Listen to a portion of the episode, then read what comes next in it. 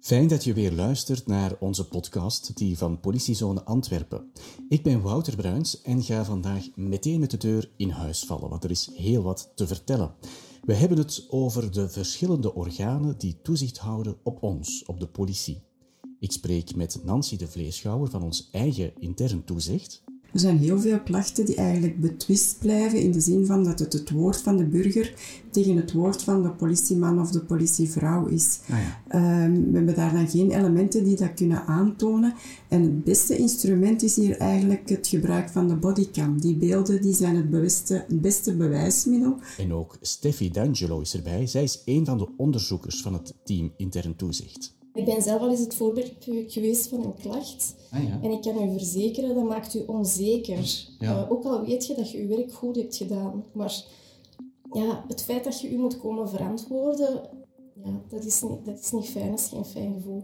En ik ben ook heel blij om mevrouw Kathleen Stinkens, de voorzitter van het comité P, hier aan tafel te zien. Je kan wel niks beter hebben dan een comité P dat vaststelt dat je je werk goed gedaan hebt. Eh, dat is beter dan een vrijspraak voor een rechtbank, denk ik. Als het comité P zegt dat het goed gedaan is, dan is het ook goed gedaan.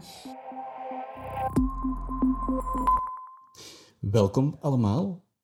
Dames vooral, hè? dat zal toeval zijn. Ja, dat is tof. Dat zegt misschien iets over de kwaliteit van de dames natuurlijk. Ongetwijfeld, ongetwijfeld. Nee, ik ben eh, blij dat we het toch een beetje luchtig gaan kunnen houden.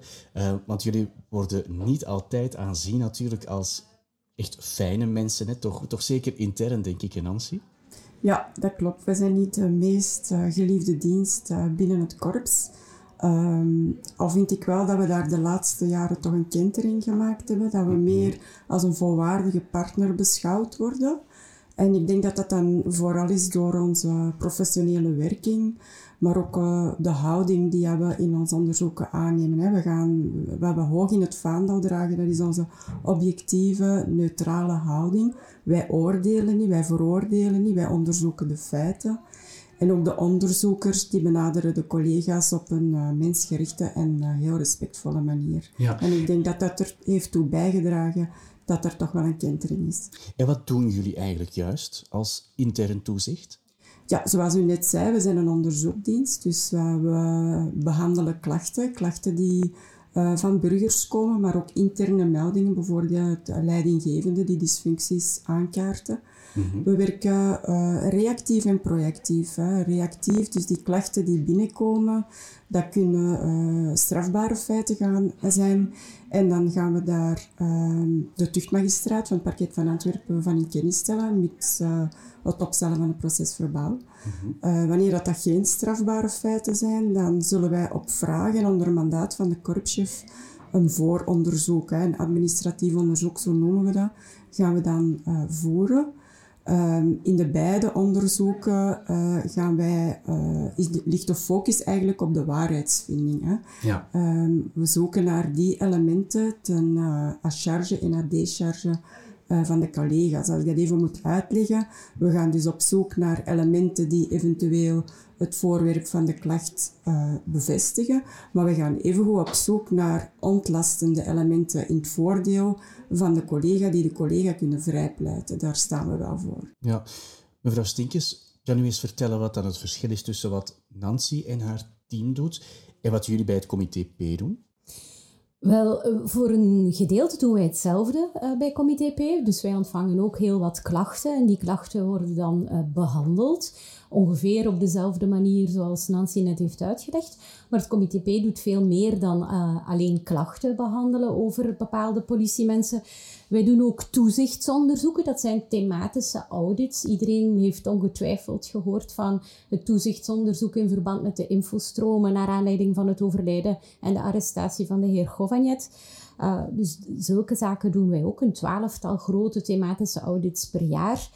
En onze onderzoekseenheid uh, behandelt ook gerechtelijke dossiers. In opdracht van het parket gaan zij dan misdrijven die gepleegd zijn door uh, politiemensen, gaan zij verder onderzoeken. Dus dat zijn drie grote luiken uh, die het comité P behandelt. Worden jullie rollen vaak door elkaar gehaald, die van intern toezicht en van comité P? Wel, ik vind dat dat meevalt. Uh, het grote verschil is dat het comité P een onafhankelijk extern uh, controleorgaan is. Dus wij hangen niet af van een politiedienst, wij hangen niet af van de uitvoerende macht maar wij rapporteren rechtstreeks aan het parlement. En dat is een heel groot verschil met de diensten intern toezicht die elke politiezone, en dus ook hier in Antwerpen, heeft. Ja, en werken jullie samen, jullie twee diensten, intern toezicht bijvoorbeeld en het comité P, of werken jullie eerder naast elkaar? Wel, u moet weten dat het comité P ongeveer een 3000 klachten per jaar uh, binnenkrijgt. En wij hebben een onderzoekseenheid die bemand is of bevrouwd is met 45 onderzoekers. Nu, die 45 onderzoekers kunnen onmogelijk die 3000 klachten afhandelen.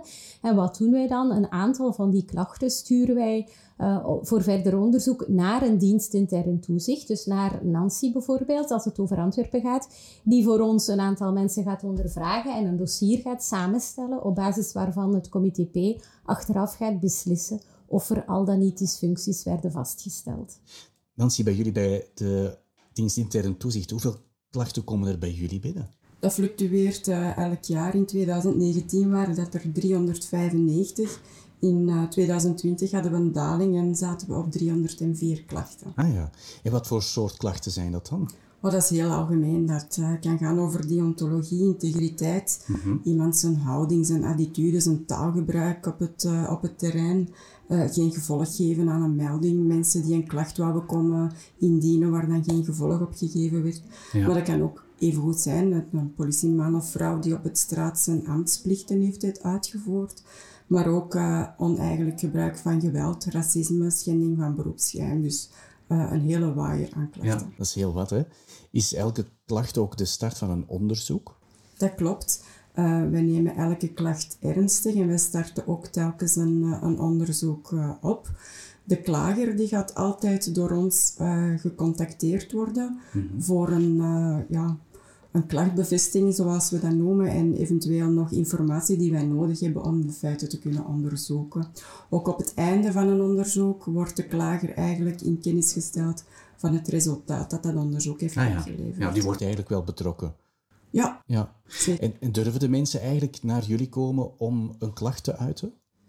Ja, ik moet zeggen dat wij binnen Politie Antwerpen, of voor de burger, zijn wij geen eerste lijnsdienst. Hè. Binnen Politie Antwerpen is het aanspreekpunt wat klachten betreft, is dat de dienst klantenmanagement. Mm -hmm. Maar er is uiteraard een nauwe samenwerking uh, tussen klantenmanagement en intern toezicht, ook wat het uitwisselen van klachten betreft. Als ik uh, klantenmanagement even mag citeren, zij doen laagdrempelige klachten. Ze hebben ook geen mandaat van de korpschef Um, als er meer doorgedreven onderzoek nodig is, dan zullen wij op mandaat van de korpschef uh, intern toezicht belasten met een onderzoek. Ja. Zo, ja, zo zijn er wel een aantal prioriteiten in het korps. Als die klachten binnenkomen bij klantenmanagement, uh, dat die sowieso doorstromen naar intern toezicht. En uh, om er enkele te noemen, dat is als het gaat over racisme, ehm, over het niet noteren van een klacht maar ook over uh, oneigenlijk gebruik van geweld. Dat zijn zaken die uh, onmiddellijk naar intern toezicht gaan. Starten jullie soms ook op eigen initiatief al eens iets op? Een beetje proactief werken? Ja, dat klopt. Uh, ik had er juist gezegd, wij werken vooral reactief, maar meer en meer starten wij ook proactief een onderzoek. Dus dat wil zeggen, we wachten geen klacht af. En we doen dat voornamelijk voor mediagevoelige zaken. Uh, ook in het kader van het vrijwaren van eventueel beeldmateriaal, stadscamera's, bodycams. Uh, want gezien de wetgeving zijn die maar een maand uh, beschikbaar. Dus ook in dat kader starten wij proactief een onderzoek op. Doe je dan dat bijvoorbeeld iemand aan de krant vertelt dat ze onheus zijn behandeld door de politie, of dat op social media geven, maar dat dat niet per se tot bij de politie gekomen is, dat jullie wel al starten? Ja, dan starten wij een, ja. een onderzoek op, inderdaad. Um, ook de bemiddelingsteams um, schakelen we dan in. Ze gaan naar de klager thuis, leggen de procedure nog eens goed uit, uh, wat een, een, officiële klacht, uh, hoe ze een officiële klacht kunnen neerleggen, maar we starten daar proactief. Ja. Ja, ja. Is er een groot verschil met het soort klachten dat bij intern toezicht behandeld wordt en bij jullie, mevrouw Stinkens? De klachten die binnenkomen zijn heel gelijkaardig, maar de klachten die het comité P zelf, die onze onderzoekseenheid gaat behandelen, wij gaan daar vooral de focus leggen op het opsporen van organisatorische en structurele dysfuncties. Dus uh, het moet om meer gaan dan een bepaalde politieambtenaar die een of andere fout heeft gemaakt. Als het werkelijk wijst op lichtere individuele dysfuncties, dan gaan we de klachten terugsturen naar politiezone Antwerpen met de vraag van bekijk het even zelf. En uh, waarom doen we dat? Omdat we vinden dat de korpschef meestal de best geplaatste persoon is om heel snel in te grijpen als het gaat om individuele problemen. Wanneer wij vaststellen dat er een probleem gesignaleerd wordt, bijvoorbeeld over de korpschef zelf, ja, dan is het evident dat het comité P dat zelf gaat onderzoeken en niet terugsturen naar het korps zelf. Of wanneer het toch wel gaat over ernstigere aantastingen van fundamentele mensenrechten. Bijvoorbeeld iemand die zegt, ik heb eten en drinken gevraagd in de cel en ik heb dat niet gekregen. Wel, die zaken zullen we dan sturen naar de dienst intern toezicht, waar we dan vragen om uh, de nodige onderzoeksdaden te verrichten en ons de resultaten uh, te bezorgen van het onderzoek. En dan gaan we daar een besluit uittrekken. Dus dat zijn de verschillende pistes die bij ons worden bewandeld telkens er een klacht binnenkomt. Ja, we spreken nu hoofdzakelijk over klachten die van de burger naar de politie uh, gaan, of in die richting op zijn minst. Uh, maar eigenlijk gaat het ook soms over klachten, een ander soort klachten. Hè? Want jij sprak er daar straks al over, Nancy, à charge en à décharge. Kan je daar wat meer uitleg over geven? Ja, we zoeken dus onderzoekselementen um, ten laste en ten ontlasten van, van, de, van de collega die het voorwerp uitmaakt van de klacht.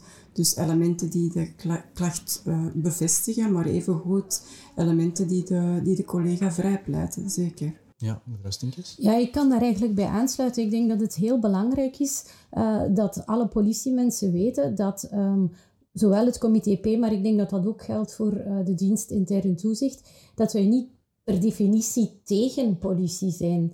Uh, we gaan zoeken naar alle e-, elementen, zoals Nancy daar straks ook zei, om de waarheid naar boven te brengen. En in vele gevallen stellen wij vast dat uh, er geen dysfuncties zijn. U moet weten dat er ongeveer een, een 66% van onze klachten van 2020 uh, afgesloten zijn met de uitdrukkelijke vaststelling dat er geen dysfuncties werden vastgesteld. En aan de andere kant denk ik dat elke politieman of elke politievrouw er ook belang bij heeft dat wanneer er dysfuncties worden vastgesteld, dat die collega's daarop gewezen worden en dat er wordt bijgestuurd, precies omwille van de goede naam van het korps. Ja, Nancy, komen klachten bijvoorbeeld bij jullie bij intern toezicht ook niet geregeld binnen omdat de mensen niet altijd weten wat de politie kan of mag doen? Dat klopt. We zien heel veel klachten um, omdat er een misvatting is over onze werking, omdat, omdat de burger dikwijls niet goed weet uh, wat we mogen, wat we kunnen. Um, en dan gaan wij in dialoog met die, met die burger of met die klager. We geven toelichting over onze manier van werken, uh, het legitiem kader van, van het politieoptreden, waaronder bijvoorbeeld het monopolie op uh, geweld en dwang, wanneer dat we dat gebruiken, waarom dat we overgaan tot uh, geweld en dwang. En dan zie je dikwijls, als je dat nader toelicht, dat er al meer wederzijds begrip komt eigenlijk. Dus ook dat is onze taak. Ja, ja, ja want jullie zoeken dan of de politie wel gedaan heeft wat ze mogen of kunnen doen, maar vaak is het dan blijkbaar... Ja, vaak is het omdat de burger niet goed weet wat we mogen of wanneer dat we uh, geweld mochten uh, gebruiken. Dus ja, dat wordt wel toegelicht. En dan wordt er gekeken of het uh, proportioneel is geweest natuurlijk. Zeker en vast, ja. ja. Is dat een moeilijk gegeven om tegen op te boksen? Het gegeven dat intern toezicht ook ter verdediging van de politie een onderzoek voert? Nancy? Burgers zijn inderdaad niet altijd tevreden met, uh, met het resultaat van een onderzoek. Hè. Zeker als ze geen gelijk krijgen, als hun ja. klacht niet bevestigd wordt. Uh, maar ik denk dat we ook moeten durven benoemen dat de politie wel goed werk levert. Ook, uh, Absoluut, ja. ja. Hoe kan je dat oplossen, denk je, zodat dat probleem door de burger te blijven uh, informeren. Een mooi ja. voorbeeld binnen Politie Antwerpen is daar onze Magda-campagne, waar de jongeren de gelegenheid, de gelegenheid hadden om vragen te stellen over ons politieoptreden, wat we, mochten, wat we mogen, wat we niet mogen. Uh, en dat we daar ook in dialoog gegaan zijn. Ja, en er kwamen ook heel veel goede reacties op, hè, want er werd bijvoorbeeld ook uitgelegd dat je als politie mag vragen aan iemand om de identiteitskaart te tonen als je er een goede reden voor hebt. Niet zomaar natuurlijk, maar ja, dat heeft wel wat begrip uh, gekregen uh, links en rechts. Ik, ik, zie jullie ook wel op de voetbal verschijnen of bij andere grote evenementen of manifestaties zelf. Uh, jullie voeren ook preventief onderzoeken, hè? dat hoort er ook bij. Ja, dat klopt. Dan noemen we eigenlijk onze terreintoezichten. Die hebben vooral een preventief luik, zoals u aanhaalt. Waar zijn we dan uh, op het terrein? Waar kan je ons vinden? Dat is bij ordendiensten of uh, grote manifestaties. Daar waar we uh, mogen vermoeden dat er grootschalige arrestaties gaan plaatsvinden, die toch mogelijk met dwang en geweld gepaard gaan. En daar gaan wij dan optreden eigenlijk als een, een soort van getuige. Uh, moest er achteraf een klacht komen, dat we daar eigenlijk de klacht al kunnen weerleggen of inderdaad daar ter plaatse kunnen ingrijpen als er zaken verkeerd lopen. Ja, Steffi, dan kom ik bij jou, hè, want jij voert zo'n onderzoek, a charge en a décharge. Hoe komt zo'n onderzoek eigenlijk tot stand? Nancy heeft het eigenlijk er juist al wat toegelicht. Um, wij krijgen een klacht binnen en soms een mandaat als het om een administratief onderzoek gaat. En die klacht die wordt eigenlijk doorgelezen door een onderzoeker. Wij nemen ook contact op met een klager om een klachtbevestiging te doen en eventueel nog extra bijkomende informatie te krijgen. Want wij krijgen vaak klachten gewoon op papier. Mhm. Dat zegt al veel, maar het is vaak nog um, interessanter om contact op te nemen met de klager. Eén, omdat hij dan weet dat we met dat onderzoek bezig zijn, dat zijn klacht ernstig wordt genomen. En twee, hij kan nog altijd toelichting geven over wat hij op papier heeft gezet. En dan gaan wij op basis van die klacht eigenlijk op zoek naar onderzoekselementen. Op basis van die onderzoekselementen maken wij een plan van onderzoek en gaan wij elk elementje eigenlijk als charge en discharge verder onderzoeken. Ah ja, dus echt een politioneel onderzoek dat dat er volgt, een onderzoek binnen de politie? Ja, wij voeren eigenlijk onderzoeken zoals elke andere onderzoeksdienst dat doet, zoals een recherchedienst dat doet. Ja. Het enige verschil bij ons is dat het hier om politiemensen gaat. Ehm, in een onderzoek gebruiken wij eigenlijk dezelfde technische middelen die door ons korps beschikbaar worden gesteld als uh, diegenen die door een Intel, een WOT of een recherchedienst worden gebruikt. Um, het enige verschil is bij administratieve onderzoeken zijn wij wel beperkt. En hebben wij niet dezelfde bevoegdheden als dat we in een opsporingsonderzoek hebben. Als we een vooronderzoek voeren, dan mogen we eigenlijk bijvoorbeeld geen uh, databanken zoals een Rijksregister of een ANG raadplegen. Ah, ja. We hebben eigenlijk dezelfde bevoegdheden als elke andere burger in een administratief onderzoek. Terwijl als het gaat over een opsporingsonderzoek, dan zijn onze politiebevoegdheden wel van toepassing. Ah ja, oké. ja. Maar dat is dan ook in samenspraak met het, uh, met het gerechtelijk luik natuurlijk. Ja, op dat werken we eigenlijk voor een parketmagistraat. Ja, en hoe ervaren politiemensen dat, zo'n onderzoek? Want ze staan dan aan de andere kant, hè? aan de andere kant. Ehm, dat is geen fijne ervaring voor die mensen. Daar zijn we ons ook wel bewust van. Hè. Um, die, worden, die zijn het voorwerp van een onderzoek, dus die staan ineens aan de andere kant. En dat is niet fijn, dat, dat, dat weet ik. Dat weten onze onderzoekers ook. Um, die zijn zenuwachtig. En ik ben zelf al eens het voorbeeld geweest van een klacht. Ah, ja. En ik kan u verzekeren, dat maakt u onzeker. Ja. Uh, ook al weet je dat je je werk goed hebt gedaan. Maar ja, het feit dat je u moet komen verantwoorden, ja, dat is, niet, dat is niet fijn, dat is geen fijn gevoel. Nee, maar dan is het natuurlijk wel goed dat ze weten dat het onderzoek à charge en dat décharge is. En dat eigenlijk hun capaciteit of hun optreden of hun uh, houding als politie ook wel bevestigd kan worden. Ja. Um, Zijn ze daar genoeg mee bezig, onze collega's, dat het eigenlijk ook heel vaak in hun eigen voordeel is? Ik denk het niet. Ik denk dat collega's altijd met het idee komen van ze, gaan, ze, gaan, ze zoeken mij hier. Hè. Dat is nog altijd een idee dat leeft in ons korps van intern toezicht zoekt mij of die, zoek, die gaan op zoek gaan naar elementen om mij te kunnen pakken, maar zo werkt het echt niet. Hè. Want als, als we uh, tot de ontdekking komen dat onze mensen hun werk juist hebben gedaan, dan vinden wij dat ook belangrijk. Ja. Dus wij, ik, ik, begrijp, dat, ik begrijp dat, dat gevoel, maar dat is eigenlijk voor niks nodig. Onze onderzoekers, dat zijn mensen die eigenlijk de mensen achter de politiemens ook zien. En die proberen op een professionele en empathische manier dat onderzoek te voeren. Maar ja, we moeten wel tot de waarheid komen. En ik weet dat we, Dat maakt ons niet populair, maar het is wel belangrijk werk dat we doen, ook om de collega's te beschermen tegen de klachten die binnenkomen. Ja, ik wil er even op aansluiten. Misschien is de misvatting ook uh, dat een, een, dysfunctie altijd een, een in, te wijten is aan een individuele fout. Maar uh, wat wij in ons onderzoek ook wel blootleggen, zijn soms organisatorische dysfuncties. Dus processen die eventueel moeten bijgestuurd worden, waarbij dat wij dan verbeteradviezen uh, gaan formuleren. Dus onrechtstreeks werken wij ook mee aan een uh, efficiëntere werking van ons korps, waarbij dat eigenlijk uh, elk politieman of vrouw van politie Antwerpen mee gebaat is.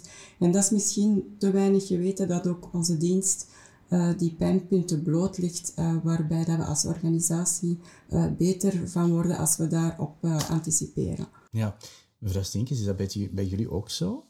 Ja, absoluut. Ik kan uh, niet vertellen dat uh, onze onderzoekers welkome gasten zijn wanneer zij uh, een onderzoek komen voeren. En ik begrijp dat ook perfect. zoals Steffi ook zegt, het is natuurlijk niet fijn dat je op de rooster wordt gelegd.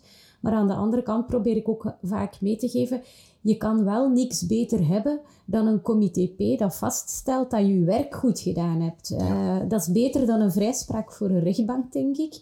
Als het comité P zegt dat het goed gedaan is, dan is het ook goed gedaan. En ik denk dat uh, de boodschap mag zijn dat politiemensen zich daar misschien een beetje aan moeten optrekken. En aan de andere kant zeg ik ook vaak aan politiemensen van, weet je, uh, wat je nu voelt, dat voelt eigenlijk iedere burger die door jou ondervraagd wordt. Want het kan bijvoorbeeld zijn dat uh, je een burger uitnodigt omdat het signalement overeenstemt met een fietsendief. Ik zeg maar iets, ik geef maar een voorbeeld. En die persoon is volstrekt onschuldig, maar je gaat die wel uh, stevig ondervragen omdat je de waarheid wil weten. En achteraf blijkt dat die persoon daar niks mee te maken heeft, dan gaat hij ook met een gerust hart vrij uit. Maar op dat moment voelt die burger die zich ondervraagd wordt, uh, zich ook onrecht aangedaan. En ik denk dat dat ook een meerwaarde kan zijn als je als politie, man of vrouw, een keer ondervraagd bent geweest door een dienst intern toezicht of door het comité P. En je voelt je slecht en gecontroleerd, dat je dat misschien ook kan meenemen in je werk achteraf. En uh, op die manier ook de burger die je gaat ondervragen in verband met een of ander misdrijf uh, meer kan begrijpen en de reactie van de burger meer kan begrijpen. Dus ik denk dat het een win-win is op meerdere fronten. Ja, het is natuurlijk vaak wel zo dat de, er heel veel aandacht gaat wanneer de politie ergens in de fout gaat of lijkt in de fout te gaan. Maar wanneer dan blijkt dat eigenlijk zij hun job gedaan hebben zoals het hen is aangeleerd, ja, dat krijgt dan wel wat minder aandacht. Hè? Is dat iets wat jullie bezighoudt of wat jullie ook wel wat tegen de borst stoot? Ja, uiteraard. Je staat daar een beetje... Je begrijpt de collega dan wel... Uh maar we hebben ook geen paswoord uh, antwoord wat de collega dan kan doen eigenlijk. Hij kan op zijn beurt dan ook weer een, een klacht indienen. Um, maar eigenlijk veel soelaas brengt dat niet op uit ervaring spreken. We hebben het al heel veel gehad over uh, onderzoeken enzovoort. Er vloeien ongetwijfeld uh, ook wel wat straffen uit voort. Maar kunnen jullie ook nog iets anders betekenen binnen die context, Nancy? Ja, binnen PZ Antwerpen uh, zet de korpschef ook sterk in op alternatieve maatregelen. Um, heel dikwijls wil je bij een dysfunctie dat, dat ja, de collega het gedrag gaat aanpassen. En dat, krijg je niet altijd met een tuchtstraf op te leggen. Dus we gaan daar zoeken naar alternatieve trajecten. dat kan zijn een opleidingstraject, een coachingsgesprek. Maar ook heel recent zijn we de stappen aan het zetten naar bemiddeling. We doen al interne bemiddeling en we zijn ook verkennend aan het kijken hoe dat we klachten eventueel kunnen gaan afhandelen met bemiddeling. Dus daar waar de burger in dialoog gaat met de betrokken collega. Mhm. Is dat bij het comité P ook zo? Wel, ik, ik wil even terug inpikken op uw vraag. U zei straffen. Wel, een heel belangrijk gegeven is dat het comité P nooit straft. Hè. Wij doen geen tuchtonderzoeken, wij uh, veroordelen niemand, wij geven enkel aanbevelingen. Het bemiddelingstraject waar Nancy het over had, het comité P gaat niet bemiddelen, het valt buiten onze bevoegdheid, buiten onze competenties. Maar uh, het Wanneer wij een dysfunctie vaststellen, gaan we dat signaleren aan de korpschef en, kan en vragen wij wat gaat u doen? Hoe gaat u dat aanpakken? Als wij dan als antwoord krijgen dat er een bemiddeling wordt opgestart, dan uh, zijn wij daar heel gelukkig mee. Ja, en dan heb je het gevoel dat mensen die, die een klacht komen indienen, dat zij erop uit zijn dat die collega gestraft wordt eigenlijk? Of willen zij eerder een, een probleem aankaarten dat ruimer gaat dan hun eigen voorval? Bij het comité P is het zo dat, dat we vaststellen dat veel mensen denken dat wij gaan straffen. En dat is een mhm. misverstand dat er echt wel uit moet. Dus in de meerderheid van de klachten uh, moeten wij eerst aan de klager duidelijk maken, als je naar ons komt om uh, een politieambtenaar uh, te laten straffen, dan ben je aan het verkeerde adres. Wij gaan zoeken naar aanbevelingen om de politie beter te laten functioneren. Ja, ja we merken ook dat, uh, dat mensen toch niet altijd uit zijn op dat straffen. Dat merk je als je in dialoog gaat met de klager en je geeft toelichting waarom uh, feiten zo gegaan zijn dan, uh, dan ontstaat er toch wel een, een mogelijk begrip voor. Mevrouw Stinkes, wat is eigenlijk de grootste misvatting die er bestaat over het comité P? Een van de grootste misvattingen die er bestaat, is dat het comité P ook strafrechtelijke feiten gaat onderzoeken. Ah, Wanneer je het slachtoffer bent, bijvoorbeeld van ongeoorloofd politiegeweld, en je stuurt een medisch attest mee met je verwondingen na, bij je klacht, wel, dan gaan wij die niet zelf onderzoeken, maar dan gaan wij dat overmaken aan het parket, omdat wij niet bevoegd zijn om strafklachten te onderzoeken. Het parket kan natuurlijk wel nadien de opdracht geven aan onze onderzoekers om voor het parket het onderzoek verder te voeren. Maar het comité P zelf is niet bevoegd voor strafrechtelijke klachten te onderzoeken. Ja, uh, Nancy, is er voor of bij intern toezicht ook zoiets, een, een belangrijke misvatting? Ja, misschien wel uh, de misvatting dat we elke klacht kunnen weerleggen of bevestigen. Er zijn heel veel klachten die eigenlijk betwist blijven in de zin van dat het het woord van de burger tegen het woord van de politieman of de politievrouw is. Ah, ja. uh, we hebben daar dan geen elementen die dat kunnen aantonen. En het beste instrument is hier eigenlijk het gebruik van de bodycam. Die beelden die zijn het, beste, het beste bewijsmiddel. We hebben ook al klachten kunnen weerleggen, dus de aantijgingen naar de collega's kunnen ontkrachten door het gebruik uh, van die bodycambeelden in onze onderzoeken. En dat waren anders klachten die uh, ook in die woord-tegen-woord situatie bleven. En die kunnen wij nu als onterecht uh, afsluiten. En ook de burger daarvan informeren dat zijn klacht niet terecht was, omwille van het feit dat we daar de beelden hebben die dat bewijzen. Ja, over die uh, bodycams trouwens hebben we eerder nog een podcast gemaakt. Die kan je in ons lijstje van alle podcasts nog eens herbeluisteren voor mocht je meer info daarover willen. Nog een laatste vraag voor jullie allemaal eigenlijk. Het is een bijzondere job hè, die jullie doen. Ook niet iedereen staat er voor te springen als je bij de politie gaat. Doen jullie dat graag? Weegt dat niet heel veel op jullie? Want jullie ja, Mensen verwachten heel vaak veel van zo'n onderzoek en een klacht, maar je moet binnen je, eigen organisatie gaan spitten naar een waarheid. Hè? Steffi, hoe is dat voor jou?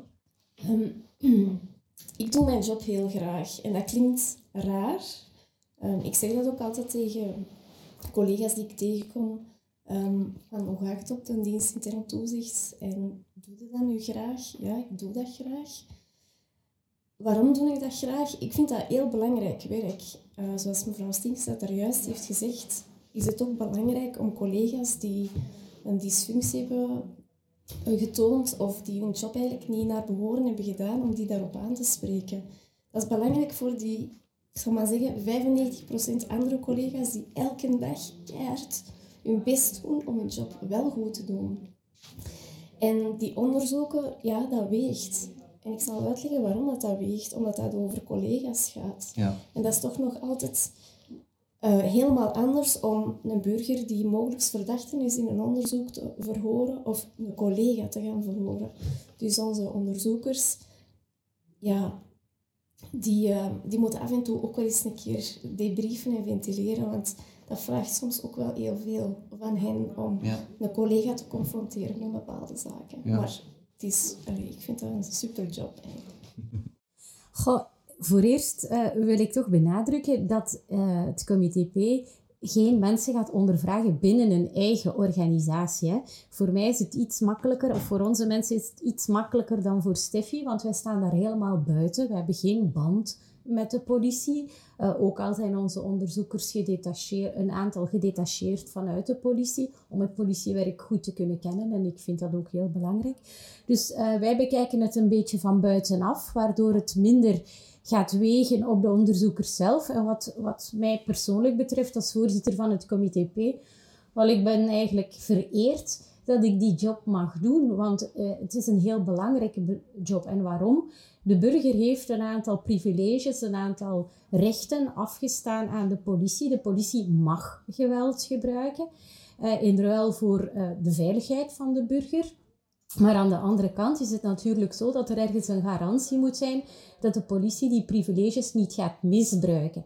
En vertrouwen in de politie is goed, maar controle is af en toe toch wel beter.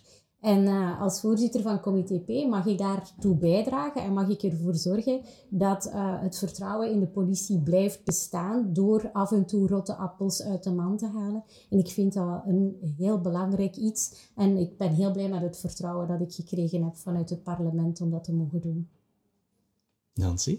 Ja, ik doe mijn job ook uh, heel graag. Hè. Zoals Steffi zegt, uh, als er fouten gemaakt uh, zijn, dan moeten die benoemd kunnen worden. Die moeten besproken kunnen worden. Die moet, we gaan samen zoeken naar een oplossing van hoe, hoe kunnen we voorkomen dat je terug in die valkuil trapt. daar worden we als korps gewoon met z'n allen beter van. Ja, ja mooi. ik, ik hoor dat ieder van jullie de job met hart en ziel doet. Dat is heel fijn om te horen. We hebben net heel uitvoerig gesproken over intern toezicht en het comité P, maar er is nog een derde controleorgaan. Hè? En uh, om met hen te spreken trok ik naar Brussel, naar de Algemene Inspectie. Binnen? Ja, dag Wouter. Dag, meneer de Volder. Zet u. Ja, dankjewel. Welkom, een kopje koffie? Ah, graag, dankjewel. Oké, okay, ik, ik zorg er even voor. Dank u dat we hier mogen langskomen. Hè? Geen probleem. Ja, meneer De Volder, wat mij eigenlijk opvalt is dat jullie in het groen zitten in Brussel. Absoluut. Uh, wij zitten hier op een, uh, op een uh, mooie locatie. Wij zitten ook niet in een gebouw van de politie, niet van de lokale politie of ook niet van de federale politie. En dat is omdat wij eigenlijk wel onafhankelijk zijn van die beide korpsen. Ja, het is uh, leuk vertoeven hier, denk ik. Hè? Absoluut. Zeg, kan u eens uitleggen wat de Algemene Inspectie juist doet? Wel, uh, eigenlijk is het uh, relatief eenvoudig. In die zin, we weten allemaal dat de politie burgers zal controleren. Wel, wij controleren als Algemene Inspectie, controleren wij de politie. En ook de Algemene Inspectie wordt op haar beurt ook zelf gecontroleerd, namelijk door het Comité P en ook nog door een aantal andere toezichtsorganen zoals het COC, ehm, dat uh, dus kijkt naar de verwerking van de persoonsgegevens. Uh, ja. Er zijn ook drie uh, hoofdopdrachten in feite. Zo voeren wij als AIG opdrachten uit voor de magistratuur. Ook politiemensen kunnen immers misdrijven plegen en die gaan wij dan onderzoeken. Anderzijds voeren wij ook inspecties uit en ik kan daar een aantal voorbeelden van geven. Zo gaan wij bijvoorbeeld na of alle opsluitingsplaatsen van de politie, zeg maar de politiecellen, of die voldoen aan uh, alle normen. En daarvan gaan wij telkens een rapport maken dat wij dus aan de betrokken korpschef zullen overmaken met onze ja. bevindingen. Een ander voorbeeld uh, is de controle die wij uitoefenen op de gedwongen terugkeer van uitgeprocedeerde vreemdelingen. Zo gaan wij nagaan of die gedwongen terugkeer, die wordt begeleid door de politie, uh, of die op een correcte wijze verloopt. En tenslotte zetelt de inspecteur-generaal in een heleboel commissies Bijvoorbeeld de selectiecommissies waar de korpschefs worden aangeduid of ook nog de commissaris-generaal wordt aangeduid. Hetzelfde geldt voor een aantal evaluatiecommissies. En binnenkort zullen wij ook starten uh, met een commissie die de kwaliteit van het politieonderwijs zal moeten uh, controleren.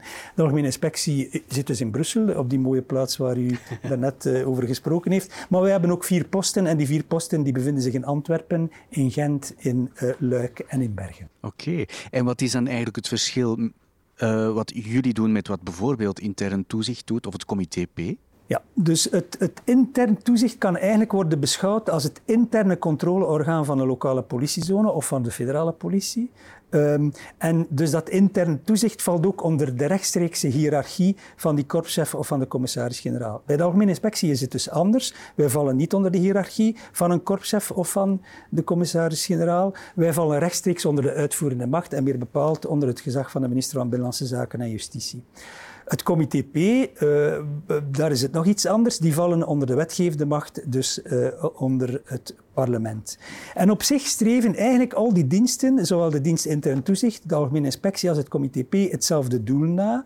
Namelijk maken dat de politie beter uh, functioneert. Nu, om ervoor te zorgen dat uh, die diensten elkaar niet voor de voeten lopen, is er een soort van taakverdeling tussen de Algemene Inspectie en het Comité P. En die kunnen we vergelijken met de taakverdeling die er bestaat tussen een lokale recherche en een, uh, en een FGP. De ehm, federale gerechtelijke politie. De federale gerechtelijke politie, inderdaad. Uh, zo zal de Algemene Inspectie prioritair dossiers behandelen waar politiemensen uh, dus uh, een, diefstal zouden hebben gepleegd of een beroepsgeheim hebben geschonden, waar ze ongeoorloofde toegang tot informaticasystemen hebben gehad, waar ze een zedenmisdrijf hebben gepleegd of nog uh, drugs zouden hebben gebruikt of verhandeld. Terwijl het comité P ook een aantal eigen bevoegdheden heeft, bijvoorbeeld iemand die overlijdt die onder toezicht staat van de politie. Daar zal het comité P optreden of nog in het kader van uh, racisme of omkoping.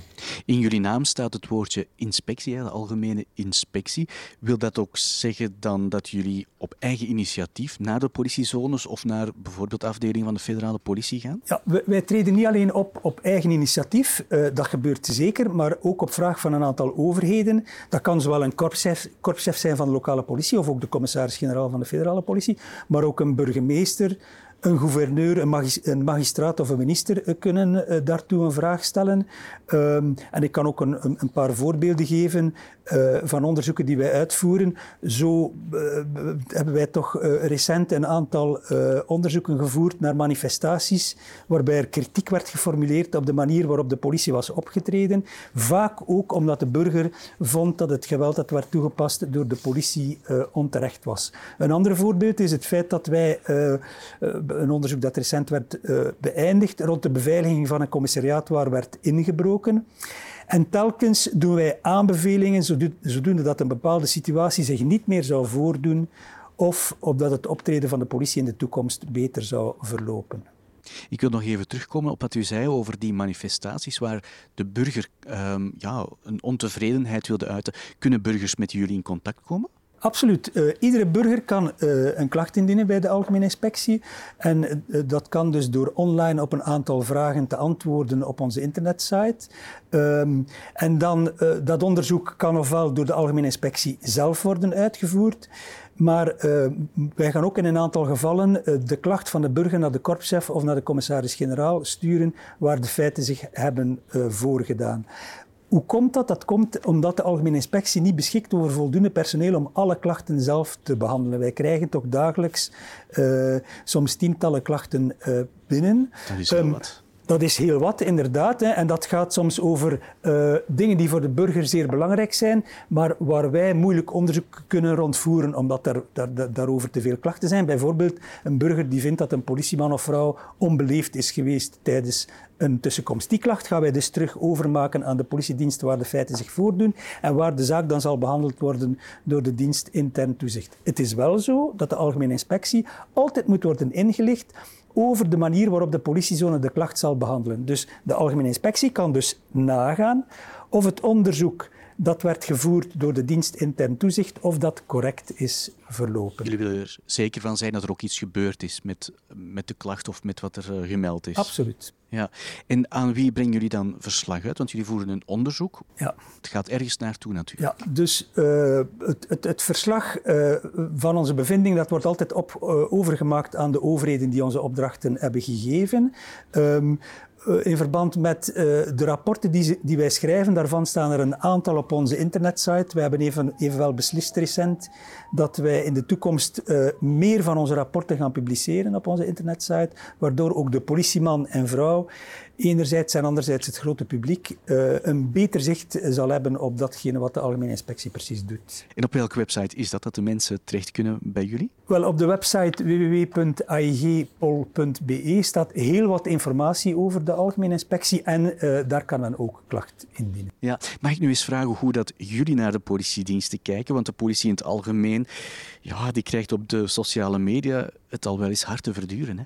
Absoluut. Ehm, wij stellen ook vast in vele van onze dossiers uh, dat politiemensen vaak moeten optreden in zeer moeilijke omstandigheden. Wij hebben daarvoor ook alle begrip. En de kritiek die de politie krijgt is zeker niet altijd terecht. Hè. Ehm, het is zo, uh, wat de klachten betreft, dat ongeveer 80% van de klachten die worden ingediend, uh, lastens politieambtenaren, dat wij daar concluderen dat die klacht niet terecht is. Ja, dat is toch wel wat, ja. Absoluut. Anderzijds uh, loopt er ook af en toe wel eens iets verkeerd hè, en heeft de burger het recht op een politie die correct optreedt. En als daarover twijfel zou bestaan, dan komt de algemene inspectie natuurlijk in beeld.